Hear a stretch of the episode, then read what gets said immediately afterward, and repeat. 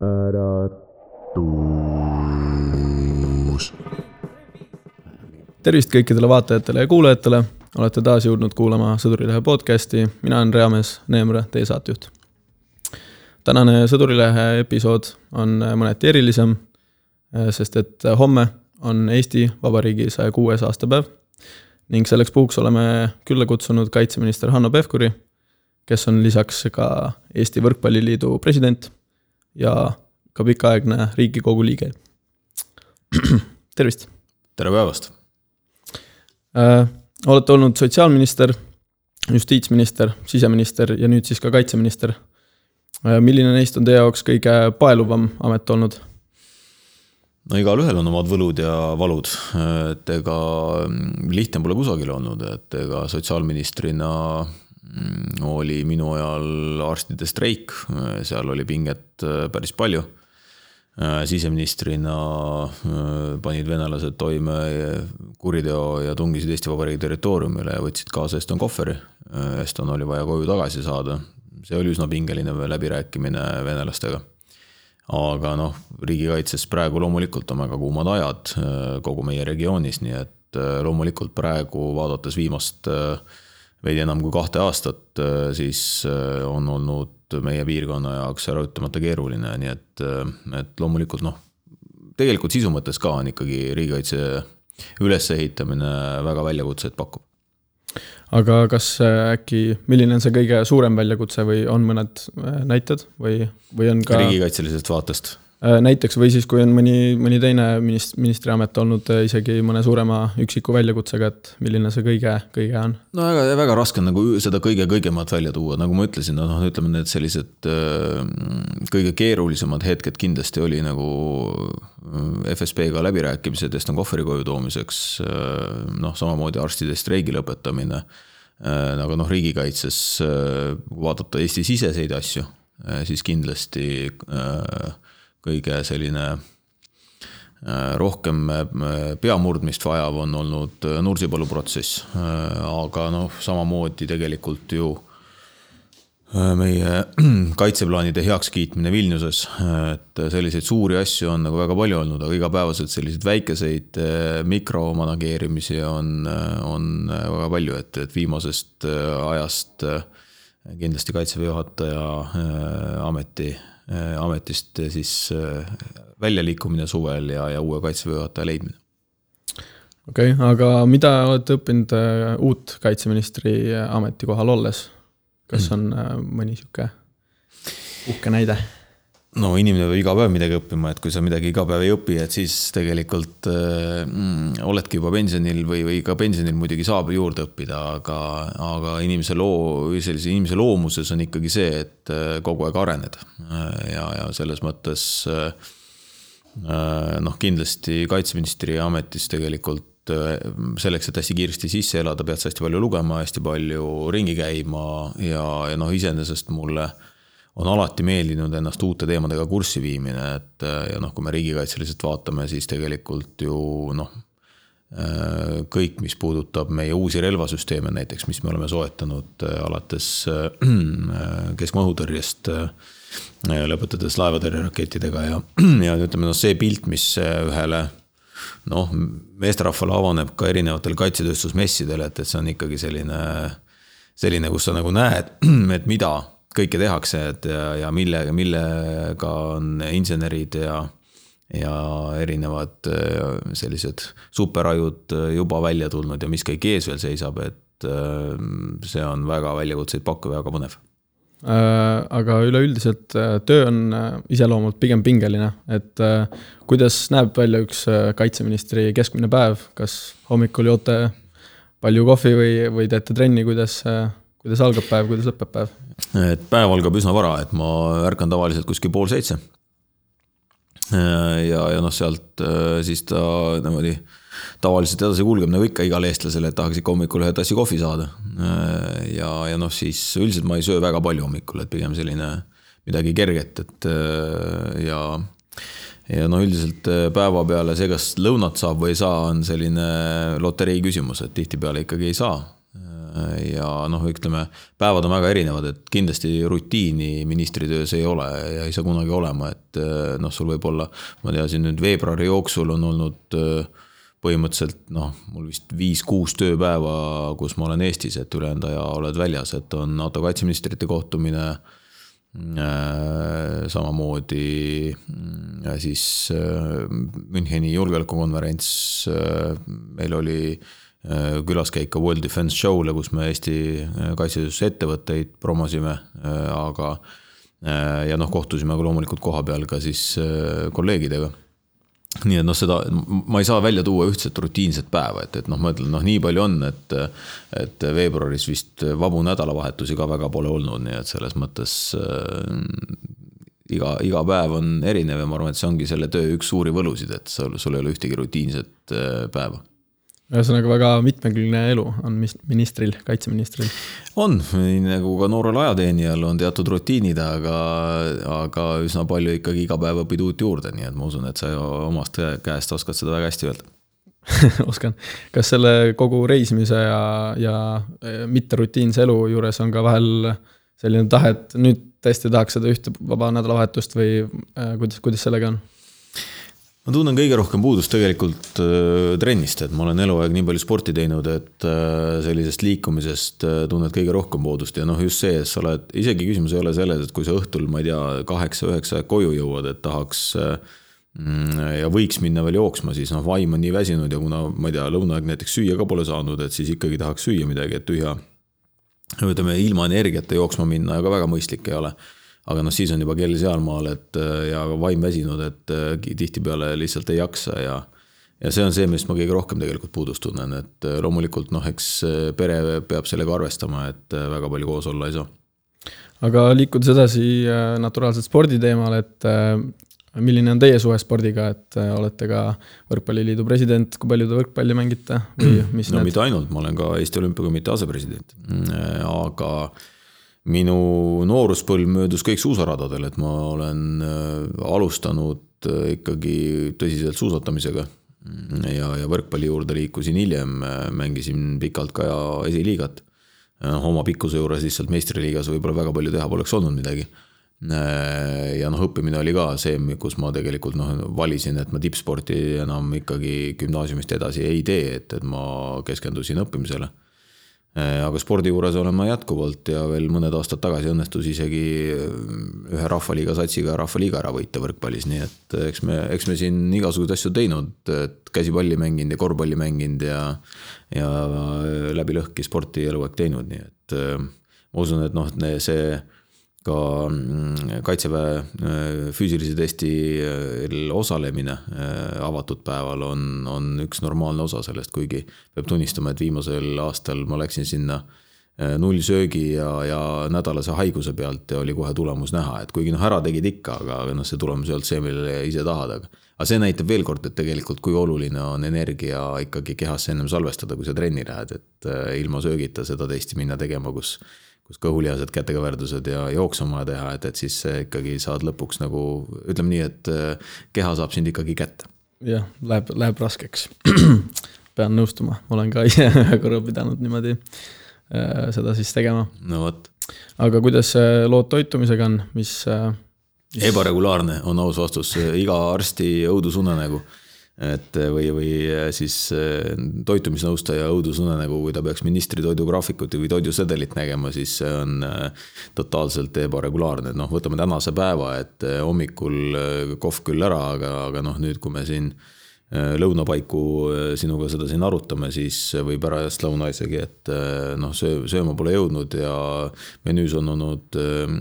üks pirn ja üks komm, et noh, ei, ei ole väga tervislik ja õhtul jõuad siis koju ja siis püüad midagi süüa ja siis sa, siis keha nõuab rohkem ja noh, nii et kellelegi, ütleme puhtalt toitumise, tervisliku toitumise vaatest ministri ametikohta ei soovita okei okay., aga siinjuures, et äh, need hetked, kui saab rahulikult süüa ja jõuate võib-olla isegi restorani, on vaba päev, et mis on lemmik, mis lemmik? oi, ma teen ise väga palju süüa, kui, kui mul vähegi selleks aega on ja, ja sõpradega selles mõttes mind köögist leiab väga tihti, kui selleks nagu aega peaks olema, et ähm, äh, mulle süüa väga meeldib teha. ja, ja noh, muidugi see tähendab ka seda, et kuna vähemalt sõbrad on öelnud, et tuleb ka päris hästi välja, et siis on raske restoranis ausalt öelda äh, nagu ebaõnnestunud koka loomingut süüa, et sellepärast, et sa tead, et sa ise suudad paremini. et aga ei, ma üldiselt olen enam-vähem kõigesööja, et mulle küll jah hea liha maitseb, äh, aga sellest tuleb tihti jälle nagu äh, natukene seda piirata, et äh, püüad ikka tervist natuke säilitada, et kolesterooli tase väga üles ei läheks. ja, ja noh, samas hästi tehtud kala, erinevad mereannid, väga-väga head. ja, ja noh, tegelikult tihtipeale on kõige mõnusam toit on selline kõige lihtsam toit, võtad nagu kartuli, hakklijakastme ja on ikka kuradi hea, et Äh, et noh, see on selline eestlase värk, et äh, vahest on tore pitsat ja pastat süüa, aga, aga kui siis äh, sööd kartulipüreed hea, mille sees on selline hea praetud sibul ja, ja või ja, ja siis sinna juurde sellise mõnusa hakklijakastme, siis see on ikkagi kulla, kulla hinnaga. vabariigi sünnipäeva podcast'i sobib ideaalselt ähm, kuidas teile tundub, kas kõrvaltvaatajale või noh, te ka näete väga lähedalt seda tegelikult, et äh, kuidas kaitseväes on füüsiliselt, kas äh, ajateenijal on raske äh,? kas peaks olema raskem, kas on liiga lihtne? Ma arvan, suurim mure tegelikult on ikkagi see, mis toimub enne ajateenistust, et kui ma vaatan äh, meie füüsilise testi äh, ärategemise numbreid, siis kahjuks need numbrid on läinud allapoole. Mm, need, kes suudavad äh, selle testi läbida äh, vähemalt miinimumi peale äh, ju enne ajateenistust, on noh, päris poolt ei ole vähem, aga ikkagi peaaegu poole vähem on neid, kes ajateenistusse tulles ja pärast ajateenistust nad saavad ikkagi nii-öelda ree peale. et see on üks murekoht Äh, kus ma tegelikult tahaks näha, et äh, meil äh, noh, nii-öelda tervikuna ka, ka haridussüsteemis ikkagi kehalist kasvatust ja, ja nii-öelda liikumist ära ei kaotata, kaotata, et noh, see. kui me, kui me nagu selle nagu ära kaotame, siis juhtub nagu see, et tegelikult meil tõesti noored ei ole valmis ajateenistuses vastu pidama aga noh, kõik hakkab, keha hakkab ikkagi kõik raamist pihta, et kui sul raam on pude, siis tegelikult see nii-öelda vaimne pool kannatab samamoodi. Nii et eh, noh, sa pead olema valmis ikkagi selleks, et su füüsiline on korras. Ja kui füüsiline korras, siis tegelikult kõik muud asjad tulevad palju lihtsamalt, kui sa lähed ma ei tea, välilaagrisse, eks ju, või lähete metsa, eks ju, et, et siis tegelikult, kui sul keha ei, ei pea vastu, siis hakkavad kõik muud ka, sul on paha tuju, sul motivatsioon langeb, sa noh, sa tahad nagu ära minna. kui sul keha on nagu tugev, siis sul tegelikult on edasi ka kõik lihtsam, nii et ma arvan, et noh, ajateenistuse vaatest äh, Äh, on hästi oluline jah, et, et me ühest küljest anname äh, siis kõikidele, nii, nii poistele kui tüdrukutele selle võimaluse, et nad on füüsiliselt heas konditsioonis. aga teisalt õpiksid ka äh, mitte ainult sõjaväelisi oskusi, mitte ainult riigikaitselisi oskusi, vaid tegelikult ikkagi ka elus toimetuleku oskusi ja see, kui sa siit ajateenistusest välja lähed, siis sa tunned, et sa oled midagi elus juurde saanud ja sa tunned, et tegelikult äh, Äh, see aitab sul ka edaspidises tööelus paremini hakkama saada. ma näen siinkohal isegi, mul tuli mõte, et kas äh, ei oleks tehtav näiteks äh, mingi taoline programm, kas või vabatahtlik enne kaitseväge, kus aidatakse treenida, suunatakse inimesi treenima, siis noori. mina, kes ma tulin otse gümnaasiumist, siis pean nentima, et üks hetk gümnaasiumi elu jooksul läks piisavalt tihedaks, omad projektid kõik tegelesin filmindusega ja asjadega, et äh, trenn jäi taha taustale, hetkel nüüd kaitseväe jooksul ma võtsin endale eesmärgiks, et äh, tegelen sellega rohkem, aga et ütleme niimoodi paar nädalat või kuu aega enne kaitseväge kasvõi natukene nii-öelda aidata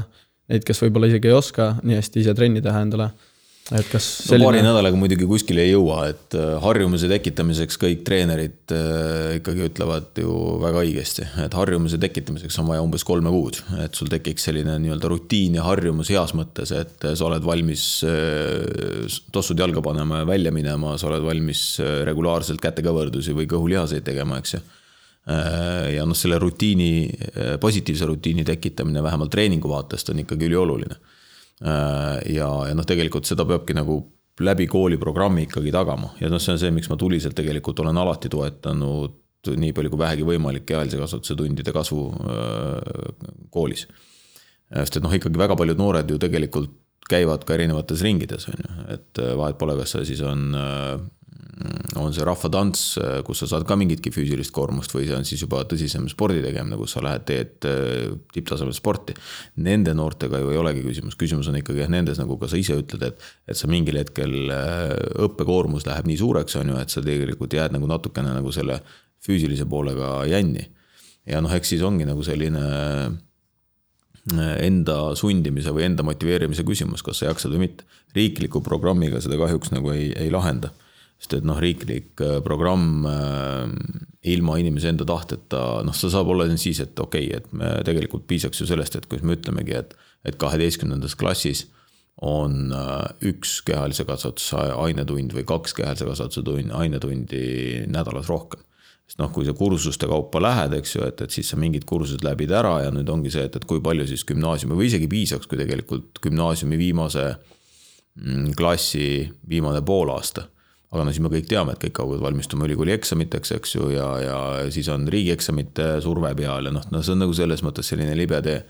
et ma ikkagi pigem keskenduks sellele varasemale tööle ja sellele, et noored ise mõtleksid selle peale, et, et see ei ole ainult selle jaoks, et ajateenistusse tulla, vaid see on ikkagi selle jaoks, et sa elus hästi hakkama saaksid, peab sul hea füüsiline vorm olema. Nõustun, ma siinkohal ütlen kõikidele noortele, kes on tulemas ajateenistusse, et tehke sporti, ma soovitan väga, see on tegelikult nagu ausalt väga hea, väga soovitan aga kuidas on teil näiteks äh, äh, siis sellise eestlaslikuma spordialaga nagu talisupplemine hmm.? no saunast vett hüppan ikka, et ma nagu nüüd nii hull ka ei ole, et ma nüüd võtan kätte ja hakkan kahekümne viie meetri kaupa nullkraadises vees ujuma, et, et mul noh, ütleme, ma ei ole veel selleks vajadust nagu näinud, aga, aga loomulikult tüüpilise eestlasena, et kui vähegi kuskilt saunast on võimalik jääauku hüpata, siis seda kindlasti teen Äh, selgeastel noh, või hüppad lumme, eks ju, nii et selles mõttes äh, see on alati mõnus. Äh, aga noh, mida kindlasti teha ei tohi, et tugeva vooluga jõkke ei tasuks jääauku teha ja siis sinna hüpata niimoodi, et sul jalad alt ära kaovad, nii et. et seda, seda tasub kindlasti vältida, et ma siin just hiljuti sattusin nägema ühte, ühte sotsiaalmeedias ringlevat lõiku, kus kahjuks üks naisterahvas niimoodi raupus, et hüppad jõkke ja, ja sinna jää alla sa kaod, et mõistust peab ikkagi olema ka selliste ekstreemsuste juures, mis paljudele välismaalastel on. ütleme, mis välismaalastel on ekstreemne jah, sporti tuleb teha, aga ettevaatlikult. mõistusega, mitte ettevaatlikult, vaid mõistusega, ega siis selles mõttes, et eh, noh, kui sa mingit ala teed, siis sa pead ikkagi tegema kire ja maksimumiga, et ei ole mõtet nüüd nagu. no ma ei tea, et kui sa tahad saada tippjooksjaks või tippsuusatajaks, et noh, siis ei ole, ei ole mõtet ettevaatlikult teha, et siis sa pead ikkagi vahest eh, veremaitse suhu saama ja, ja pead ikkagi tunnetama, et rohkem. et noh, sa oled nagu punases juba, eks ju, nii et eks see inimorganismi puhul on hästi oluline see, et kui kaugele sa oled valmis minema, et me tihtipeale suudame rohkem, kui me, meil aju lubab. Äh, ja, ja noh, selles mõttes meie piirideks tihtipeale oleme me ikka ise, mitte keegi teine. nojah, piirid tuleks üles leida, aga äh, kuidas, ütleme niimoodi, et te olete suurem osa elust spordiga tegelenud väga tihedalt, et äh, kust tuli või et miks ei tulnud äh, ideed minna siis tegelema ka tippspordiga või kas lihtsalt sattus elu, eluliselt niimoodi või? no ta pigem oli nagu see küsimus, et äh, noh, kui, kui sa oled gümnaasiumi lõpus äh, ja sinnamaani hästi palju, eriti kui me vaatame naiste-sporti, aga noh, poistel ka, eks ju, et, et noh, sa tegelikult oled mingi valiku ees, et kas minna siis õppima või teha tippsporti edasi, et see nagu see esimene murdepunkt on alati nagu äh, gümnaasiumi lõpp, et noh, esimene küsimus on need, kes tahavad päris tipp-tipp minna tegema, et noh, et kas me, kas sa lähed Audentesesse või mitte ja, ja noh, teine koht on siis see, et kas sa gümnaasiumis, gümnaasiumi lõpetades teed edasi või mitte, noh, mina pigem valisin selle, et noh, ma nägin, et isegi kui ma teda suusatamist tegin nagu suhteliselt ikkagi arvestataval tasemel.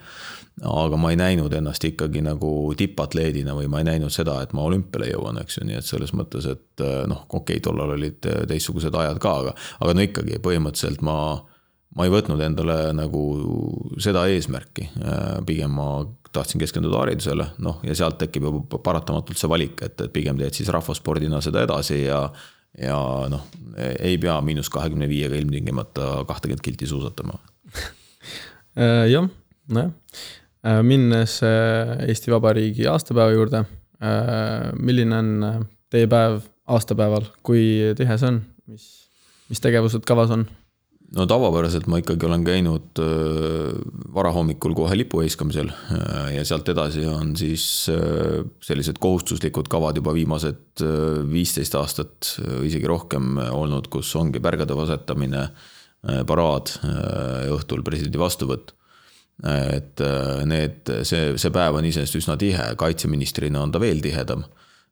kaitseministril koos kaitseväe juhatajaga on väga tore traditsioon äh, ka võõrustada paari nii-öelda töövarju sellel päeval, kus siis saavad noored meiega kaasas käia. Äh, ja, ja lisaks on kaitseministril ka kena traditsioon võõrustada vabariigi aastapäeval ka Eestis resideeruvaid kaitseatašeesid teistest riikidest, nii et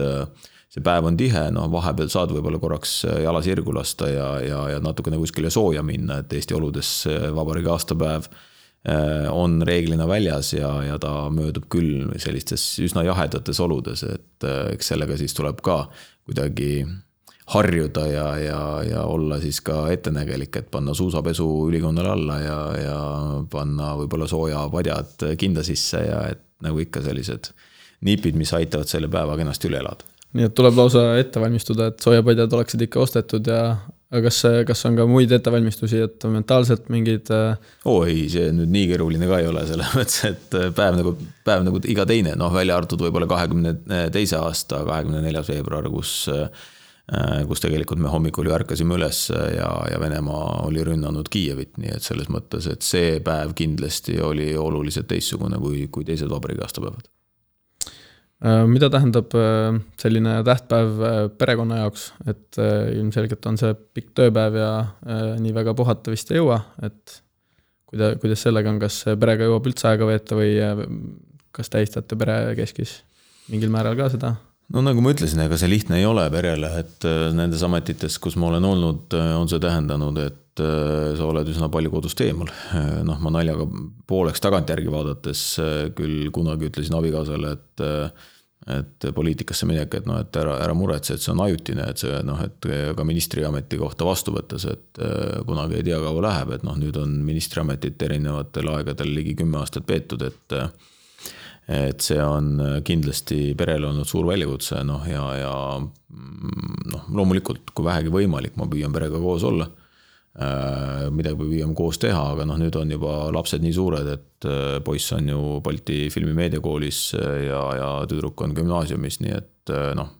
eks ne-, nemad on juba piisavalt ka selles eas, kus nad tegelikult naudivad ka seda hetke, kui nad saavad omaette olla, nii et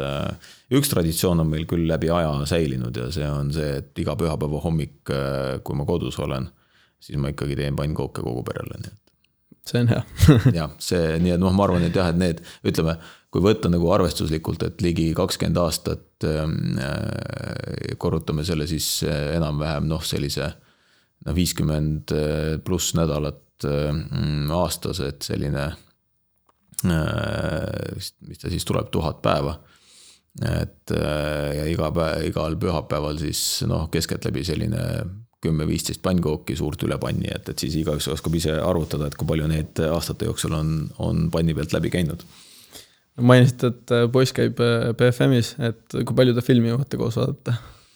Äh, vähe, mingil ajal käisime rohkem koos kinos, aga, aga noh, kuna tema töö nüüd on tegelikult kogu see filmindus, siis ta ju tegelikult noh on ka PÖFFi mm, tiimis äh, ja just filmiga tegutseb, ehk aitab seda programmi kokku panna, mis tähendab, et noh, tema, tema filmide vaatamised ja teadmised on äh, ammu, ammu juba ületanud minu teadmised filmimaailmast, nii et äh, tal on väga hea maitse, ta teeb, ma arvan, oma oma neid valikuid väga õigetest instinktidest lähtuvalt, et et eh, noh, nii palju, kui ma PÖFFi meeskonnast olen ka kuulnud, temaga ollakse rahul, nii et ma usun, et ta on, on oma selle elukutse valikuga praegu küll vähemalt rahul. Äh, mida arvate vabariigi aastapäeva, aastapäeva presidendi vastuvõtust?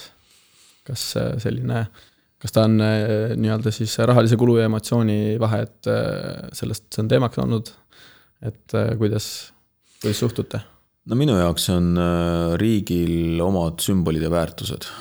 ja, ja kui me oleme riik, siis me peame ka riigina ennast, riigina käituma ja riigina ennast üleval pidama. ja osa sellest on ka kindlasti vabariigi aastapäev. see, millise rolli on iga president vabariigi aastapäeval andnud, noh, see on loomulikult iga presidendi enda otsus ja me oleme näinud erinevaid rolle ja, ja kui omal ajal, kui Lennart Meri äh, presidendi vastuvõtu sellise traditsiooni lõi, ta võttis ta eeskuju Soomest. ja noh, minu arvates on see ilus traditsioon. Äh, loomulikult see, keda sinna president kutsub, on tema otsus. Äh, teisalt ma arvan, et riigi toimimise seisukohalt need olulised institutsioonid, kes on ka põhiseaduses ära toodud, Riigikogu, Vabariigi Valitsus, õiguskantsler, riigikontrolör, need, need on institutsioonid, kelle najal riik püsib, et küsimus ei ole inimestes, vaid küsimus on institutsioonides. ja, ja seetõttu tegelikult on, on noh, hästi oluline, et me neid, neid institutsioone nagu kaitseksime ja väärtustaksime. et noh, Riigikogu on rahvaesindus ja, ja me ühiselt käime Riigikogu iga nelja aasta tagant valimas. me valime need inimesed kollektiivselt, kes siis esindavad meid igat ühte. Äh, ja seetõttu tegelikult kindlasti noh, minu äh, maitse järgi riigi äh, põhiseaduslikud institutsioonid peaksid vabariigi sünnipäeval kaasa lööma. seega siis nendest, neid ameteid kandvad inimesed ise otsustavad presidendi kutsele vastata või mitte, noh, see on nagu nende igaühe otsus. aga noh, reegel, üldine kirja panemata reegel on see, et vabariigi presidendile nagu äh, ei, ei ole viisakas öelda. nii et ta ei ole lihtsalt äh, puhas äh, lust ja lillepidu korra aastas või ta on ikkagi vajalik sündmus nagu ma ütlesin, et noh, kui sa oled riik, siis sul on oma riigil oma kaitsevägi, sul on äh, parlament, sul on vabariigi president, äh, noh, loomulikult, kui on kuningas, siis on kuningas, eks ju, et aga aga noh, riigil on omad sümbolid, meil on, meil on vapp, meil on hümn, meil on lipp, me kanname neid väärtusi, nii et selles mõttes äh, on, on nagu hästi oluline nendest väärtustest kinni hoida. keskmiselt mitut kätt kätlema peate sellisel sündmusel? no kaitseministrina küll mitte väga palju, aga noh, ma arvan, et hästi raske on öelda, võib-olla ma arvan, et selline. ma ei tea, sadakond tuleb ikka ära, nii et äh, eks see, eks see sõltub ka nagu sellest, et kui aktiivne sa ise oled. Äh, aga lähme äh, kaitseväe või riigi julgeoleku tuleviku juurde, et kuidas hindate hetkel Eesti riigi julgeolekut ja selle arengut viimastel aastatel? no vaieldamatult äh, Eesti ei ole kunagi olnud äh, nii hästi kaitstud, kui ta praegu on. ja Eesti kaitsevägi ei ole kunagi olnud nii mm, võimekas, kui ta praegu on. Äh, kas see on piisav? ei, ei ole. et meil on vaja jätkuvalt kaitseväge edasi arendada, meie võimearendused on ju kõik suunatud sellele, et meie riik oleks kaitstud ja rahvas hoitud. ja noh, selles mõttes, kui me võtame ka viimase paari aasta otsused äh, keskmaa õhutõrjest alates äh, ja noh, paneme sinna juurde äh, meremiinid, laevatõrjeraketid, kaugmaale lastav loitering, samamoodi K9-te juurde ostmine suurtes kogudesse laskemoona, noh, ma võiksin seda loetelu hästi pikalt jätkata, eks ju, teise brigaadi soomustamine, rivisõidukite väljavahetamine ja nii edasi ja nii edasi, et, et siis need tegelikult ju kannavad kõik ühte eesmärki. olla paremini valmis oma riiki ja rahvast kaitsma. mis tähendab ka seda, et järgmise paari aasta jooksul, kakskümmend neli, kakskümmend viis, kakskümmend kuus, seisab kaitseväel ees väga suur pingutus, et need uued võimed, mis me oleme soetanud või veel Eestisse jõudmas, et nad hakkaksid tegelikult koos kokku kõlama nagu üks hea sümfooniaorkester, et, et noh, sa ei saa võtta sümfooniaorkestrit, kus äh, Äh, trummid äh, kõlavad äh, esimesest viiulist erinevalt. ja seetõttu, et sul võib olla küll keelpillid, sul ütleme veel lihtsamalt, eks ju, et jah, puhkpillid, keelpillid ja, ja erinevad keel, pilligrupid, lisaks pilligruppide sees erinevad pillid. aga kui nad kokku ei kõla, siis see, see Radetski marss niimoodi ei kõla, nagu ta, ta kõlama peaks. ja kaitseväega nagu sama lugu, et, et kui me võtame erinevad väeliigid, meri, õhk, maa Äh, paneme siia juurde küberdomeeni äh, ja, ja mõtleme juba tegelikult ka ju natukene rahvusvaheliselt kosmose peale, siis tegelikult nendes domeenides see peab kõik kokku kõlama. Ja, ja seetõttu tegelikult kindlasti kaitseväe juhatajal on hästi suur roll ja igal kaitseväelasel, igal ajateenijal äh, ja tegevteenijal on tegelikult see roll, et, äh, et see kokku kõlaks. Ja noh, eriti kui me tahame teatud võimet saada kakskümmend neli seitse valmisolekusse, eriti mis puudutab HIMARS-it, keskmaa-õhutõrjet, äh, laevatõrjet, siis see tähendab seda, et me peame tegelikult ajateenijale andma võimalikult kiiresti baaskursuse Äh, erialakursuse ja sinna järgi tegelikult siis sellise nii-öelda valveloleku teenuse või, või, või, või valveloleku aja, kus siis tegelikult ajateenijad aitavad katta seda tegevteenijatega koos, et meil kakskümmend neli seitse valmisolek oleks tagatud see kaitseväe orkester äh, koosneb suuresti ajateenijatest, hästi palju väikseid pille, kes äh, tulevad ja õpivad, saavad väljaõppe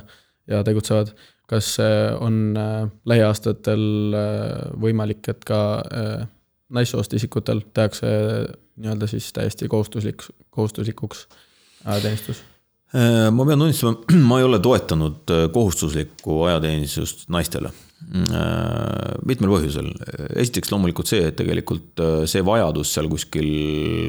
kolm tuhat kaheksasada, neli, neli tuhat ajateenijat.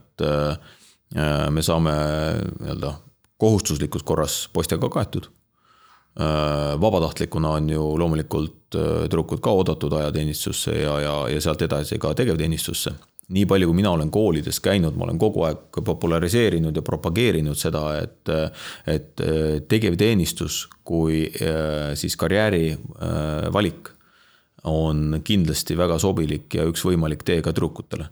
sest et noh, kui me vaatame kogu kaitseväe lõikes, noh alustades siit äh, küberväe juhatusest äh, ja, ja Stratcomi poole pealt kuni tegelikult droonioperaatorite, logistikuteni, väga paljude muude ametikohtadeni. tegelikult meil on äh, võimalik äh, tüdrukuid kaasata. ja, ja noh, loomulikult staabi juhtimise tasandil küll ja veel. nii et tegelikult noh, ma väga loodan, et vabatahtlikult ajateenistusse tulevate noorte tüdrukute arv kasvab Äh, ma olen selle äh, nii-öelda suunise ja palve andnud edasi ka näiteks no siis Kaitseliidu noorteorganisatsioonidele, eelkõige kodutütardele, et tegelikult noh, sealtkaudu oleks meil kõige lihtsam seda saavutada. Äh, ja, ja noh, siis me saame näha, et, et kui palju siis vabatahtlikud tüdrukuid juurde tuleb, aga jah, meil ei ole otsest vajadust kunstlikult tekitada kohustuslikku ajateenistust tüdrukutele Äh, sealjuures kindlasti aitab ka kaasa koolides äh, nüüd siis äh, kohustusliku, kohustuslikuks tehtud see riigikaitseõpetus. et kas see oli ka teie soov, et pigem sobib? ja, see oli meie soov teadlikult, küll ta on veel nii-öelda natukene poolel teel selles mõttes, et seal on ju metsalaager on vabatahtlik samamoodi on üldine korraldus nii, et koolile on teda kohustuslik pakkuda aga noorele on ta õigus võtta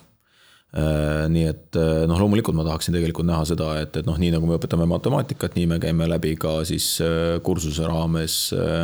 riigikaitse, sellepärast et riigikaitse ei ole, ei ole ainult laiguline sinu seljas, vaid riigikaitse tegelikult on palju laiem. alates tegelikult sinu enda valmisolekust erinevateks kriisideks, lõpetades siis tõesti sõjalise riigikaitsega nii et äh, jah, kindlasti ma seda tuliselt toetan, et meil noored äh, saavad riigikaitseõpetust. selle juures on üks väga suur konks. ja see konks on see, et need, kes riigikaitseõpetust õpetavad, need peavad olema väga head, sest vastasel korral sul tekib trots ja tõrge. ja kui sul on äh, esimene kokkupuude riigikaitsega ebameeldiv, siis suure tõenäosusega on ka ajateenistusse tulek ebameeldiv, nii et seetõttu tegelikult jah üha rohkem me peame keskenduma sellele, kes seda riigikaitseõpetust meil gümnaasiumites annavad. Äh, kuidas oli teie esimene kokkupuude ise ajateenistusega, teie ajal muidugi noorus, nooruspõlves oli aeg teine, aga, aga et ajateenistusega, kas te olete ise käinud ajateenistuses? jah, minu ajal oli, no vot, et äh, ei saa tollaseid riigijuhte kuidagi, kuidagi nagu süüdistada või, või, või taga rääkida, aga mingil põhjusel ähm, aasta või kaks enne seda, kui mina pidin ajateenistusse tulema, võttis parlament vastu seaduse, et noored, kes lähevad ülikooli õppima, kuna noori oli lihtsalt palju sel ajal. Äh, et noored, kes lähevad siis kõrgharidusõppesse, et, et nemad äh, ajateenistusest neid ei kutsuta. no ja siis aeg läks niimoodi, et kus ma läksin juba reservi ära ja, ja seetõttu minul ajateenistus jäigi läbimata ma mõtlen, aga oli aeg, kus oli tõesti noori väga palju ja, ja kasvav Eesti Kaitsevägi või arenev Eesti Kaitsevägi sellises mahus veel noori ei vajanud ja, ja seetõttu tegelikult jah, kõrge, ma ütlen, ma ei tea kõiki neid põhjuseid seda, aga miks see nii oli. Äh, aga, aga noh, kindlasti ma arvan, et ajateenistus on, on väga hea võimalus noorele tegelikult midagi juurde saada. et küsimus ei ole selles, et noh, ma olen siin ka kuulnud, et keegi ütleb, et oi, kuidagi maha visatud aeg või midagi ei, äh, ma arvan, et äh, need on väga nii-öelda ekslikud eelarvamused. ja tegelikult see, mis sa ikkagi siit ju saad, ongi parem ettevalmistus iseseisvaks eluks. ma jah, mainiks ka uuesti ära, et siinkohal tehke eeltööd, mina tegin, leidsin huvialase nii-öelda koha ajateenistuses. kui sa leiad midagi huvitavat endale, noor ajateenija, siis äh, see ei ole absoluutselt maha visatud aeg. no vaata, ma ütlen sulle täienduseks võib-olla seda tõesti, et noh, et ega nii ongi, et meil tegelikult ju kaitsevägi on selline noh, heas mõttes miniriik et me, meil on ju siin kõike, eks ju, et, et meil tegelikult on siin just nimelt äh, need, kes saavad äh, siin võib-olla oma filminduse huviga kätt soojas hoida, et operaatorina või, või siis äh, oled sa rohkem raadiohuviline, eks ju, teed seda podcast'i siin või, või oled sa äh, rohkem logistikahuviline, saad minna natukene siis noh, toetusväe juhatusse, oledki nii-öelda heas mõttes Rambo, et äh, lähed erivägedesse, eks ju, et erioperatsioonide väejuhatusse, et selles mõttes, et äh, noh, neid, neid võimalusi kaitseväe sees on nagu väga palju, et tegelikult äh, ja, ja selleks, et see võimalus sulle avaneks tegelikult ongi ju antud võimalus vabatahtlikult tulla ja reeglina, kes tulevad vabatahtlikult, ise ütlevad, et ma tahan tulla vabatahtlikult või terve grupiga koos, eks ju, sõpruskonnaga koos. Nendele antakse ka võimalus ju valida, et kuhu sa siis lähed, nii et selles mõttes, et seda tasub kindlasti kasutada. Äh, kuidas näete tulevikus küberjul-, küberjulgeoleku rolli suurenemist äh, ja selle tähtsust Eesti riigi, riigikaitses? Oi, see on väga oluline, sest et noh, kübermaailm on tegelikult ju kõik meie ümber, et see, kui me selle siin salvestame, siis ta kusagile serverisse salvestub. ja, ja kusagil serveris on teda võimalik pärast siis kätte saada ja, ja reprodutseerida, samamoodi häkkida ja tükeldada. ja kasutada ühte sõna ja lõigata erinevatest sõnadest kokku erinevad laused ja öelda pärast, et kaitseminister ütles. ja siis mine tõesta, et, et see ei ole sinu öeldud, kui sinu hääl on ja, ja sinu nägu on, eks ju, nii et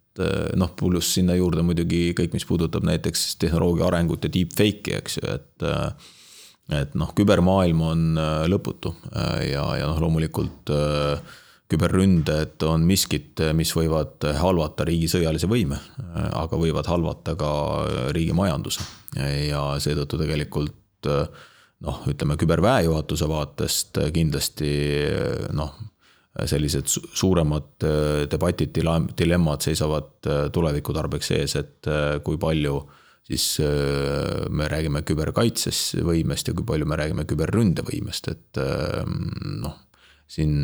see, see valdkond on hiiglaslik, mis meid tulevikus ees ootab ja kindlasti täiesti eraldi, eraldi tähelepanu vajab.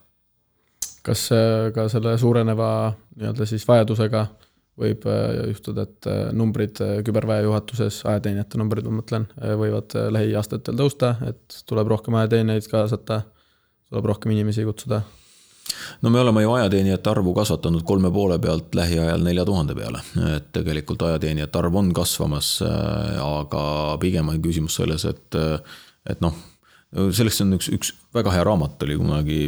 ma arvan, et see oli Steve Case ja The Third Wave, kes rääkis äh, siis erinevatest suurtest revolutsioonidest maailmas just majanduse vallas ja, ja noh, esimene oli pärast teist maailmasõda kõik, mis tööstusrevolutsiooniga kaasnes, teine revolutsioon oli kõik, mis siis interneti tulekuga kaasnes Äh, ja kolmas on siis kõik, mis nagu ai tulekuga kaasneb äh, ja, ja seal äh, muuhulgas ta ütles ühe geniaalse lause, et, et töökohad kaovad, aga töö ei kao.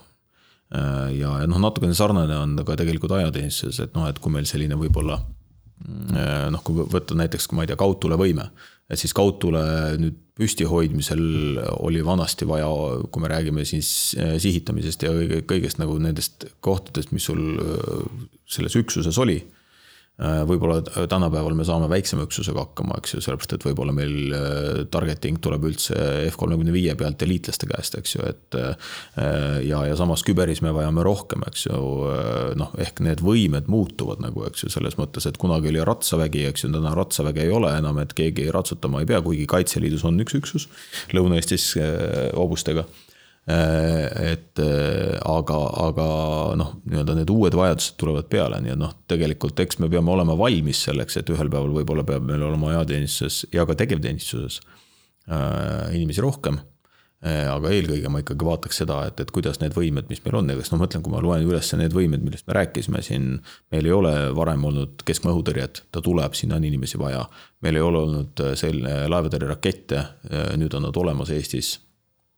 sinna on inimesi vaja. meil ei ole olnud Himarsit oma üksusena, nüüd Himars tuleb, eks ju, äh, K9-id tuleb rohkem. et noh, seal me juba näeme ju tegelikult, et meil on äh, neid võimeid juba rohkem ja küber on lihtsalt üks osa sarnane sellega, et, et kui, kui see vajadus kasvab, siis tuleb sinna leida ka inimesed jah, droonid ka sealjuures vist on uuendus. vaat droonidega on nagu selline lugu, et ma olen äh, hästi palju püüdnud äh, seda infot äh, Ukrainast äh, koguda ja, ja üks suur õppetund on see, et sul peab olema drooni äh, üksus ja droonivõimekus, aga sa ei saa lattu osta droone. noh, droon on nii kõrgtehnoloogiliseks juba läinud, et äh, kui sa noh, kui sa ostad saja viiekümne viiese mürsu endale lattu, siis see võib seista kakskümmend aastat ja kahekümne aasta pärast sa saad teda ikkagi kasutada. Äh, noh, loomulikult oma hoolduse ja kõigega, mis selle juurde käib aga droonidega, kui see droon on seisnud sul laos aasta otsa, siis ta põhimõtteliselt on moraalselt vananenud Äh, ja seetõttu tegelikult sul peab olema pigem tootjatega leping valmisolekuks, et kui on vaja, siis nad toodavad, mingi osa loomulikult peab olema. noh, droonidega lisaks on see, et sul on ju ründedroonid, sul on äh, luuredroonid, sul on maatlusdroonid, eks ju, et selles mõttes, et sul on väga palju erinevaid droone vaja. Äh, ja noh, ega me praegu Ukrainas näeme, et ükski üksus isegi rühma tasandil ei, ei lähe tegelikult ilma silmadeta välja. Nii et noh, seal on äh, jah, pikk tee minna, aga, aga vaadata jah seda, et palju on sõjaaja vajadus näiteks laskemoona hoidmiseks ja droone, droonide hoidmiseks, siis kindlasti siin tuleb teha tarke, tarku valikuid, et me ei saa nagu lihtsalt endale osta droone lattu seisma, mis on aasta või kahe pärast juba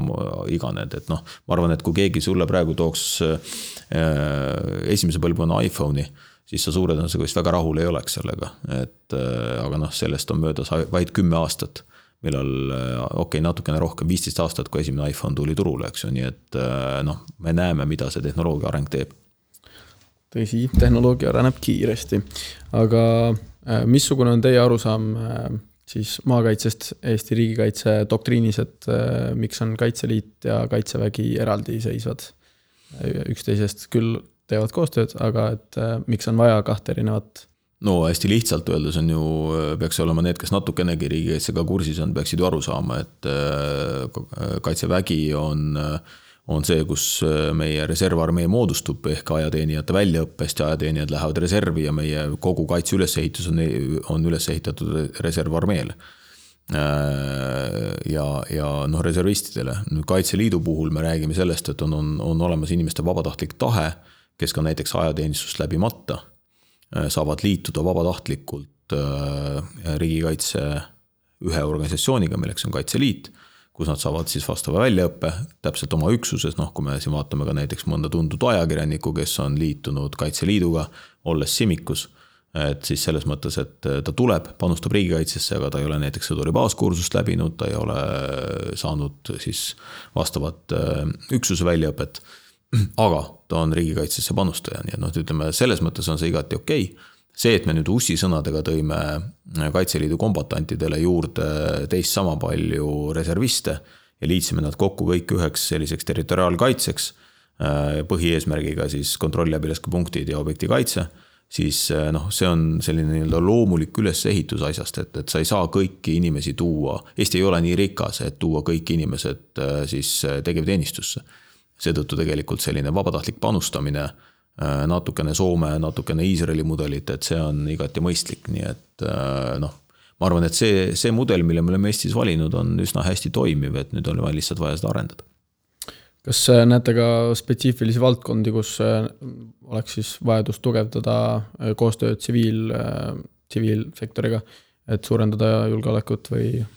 just näiteks droonidega, et siis see on ka. üks võimalus on kindlasti droonid, aga noh, neid valdkondasid on muidugi palju, et äh, kõik, mis tsiviili puudutab, noh kindlasti eelkõige evakuatsioon. Äh, omavalitsused, äh, ettevõtted, noh, kui meil on vaja laia laiapõhjalist evakuatsiooni läbi viia, noh siis ega kaitseväel ei ole olemas busse sellises mahus, et kuskilt evakuatsiooni läbi viia, samamoodi, kes evakuatsiooni eest on pandud vastutama Eesti riigis ehk Päästeamet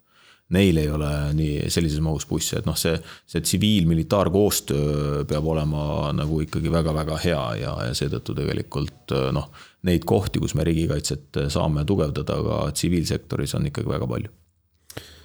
okei okay., äh, liikudes tagasi äh, siis äh, aastapäeva juurde, mida te teete, et peale seda tihedat päeva, peale aastapäeva pidustusi ja kõike Äh, korralikult välja puhata, kas mm. selle saladus on uni või on äh, peale aastapäeva siiski vaba päev või seda ei lubata kaitseministril?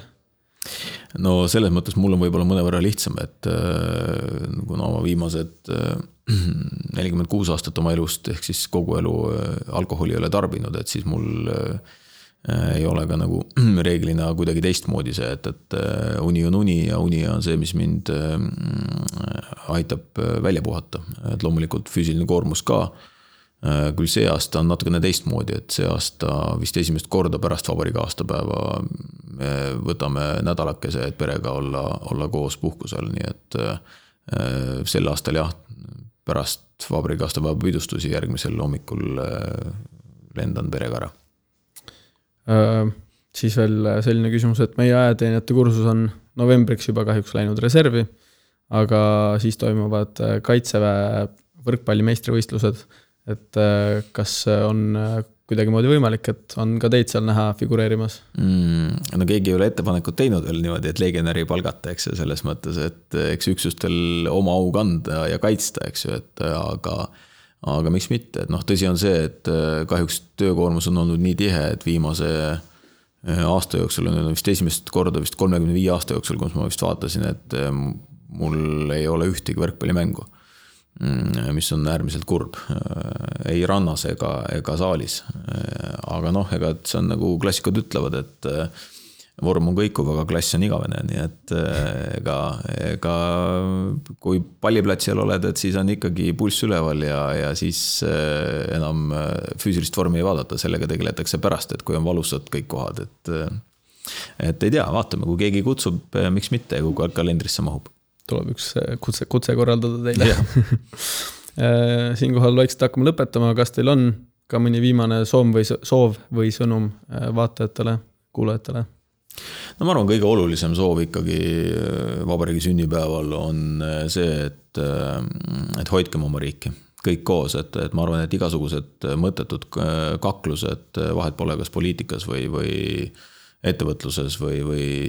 noh, ka mingid väiksemad nägelemised tegelikult mõttetute asjade pärast tegelikult meid edasi ei vii, et see kuidagi riigikaitset ei paranda, et lõppkokkuvõttes on meil Äh, veidi üle ühe koma kolme miljoni inimese, kes seda riiki peavad hoidma ja kaitsma ja nelikümmend viis tuhat ruutkilomeetrit, mida me siin hoiame, nii et äh, ega me ühtegi ruutmeetrit oma maast ära ei anna ja, ja ma arvan, et äh, see kaitsetahe ja,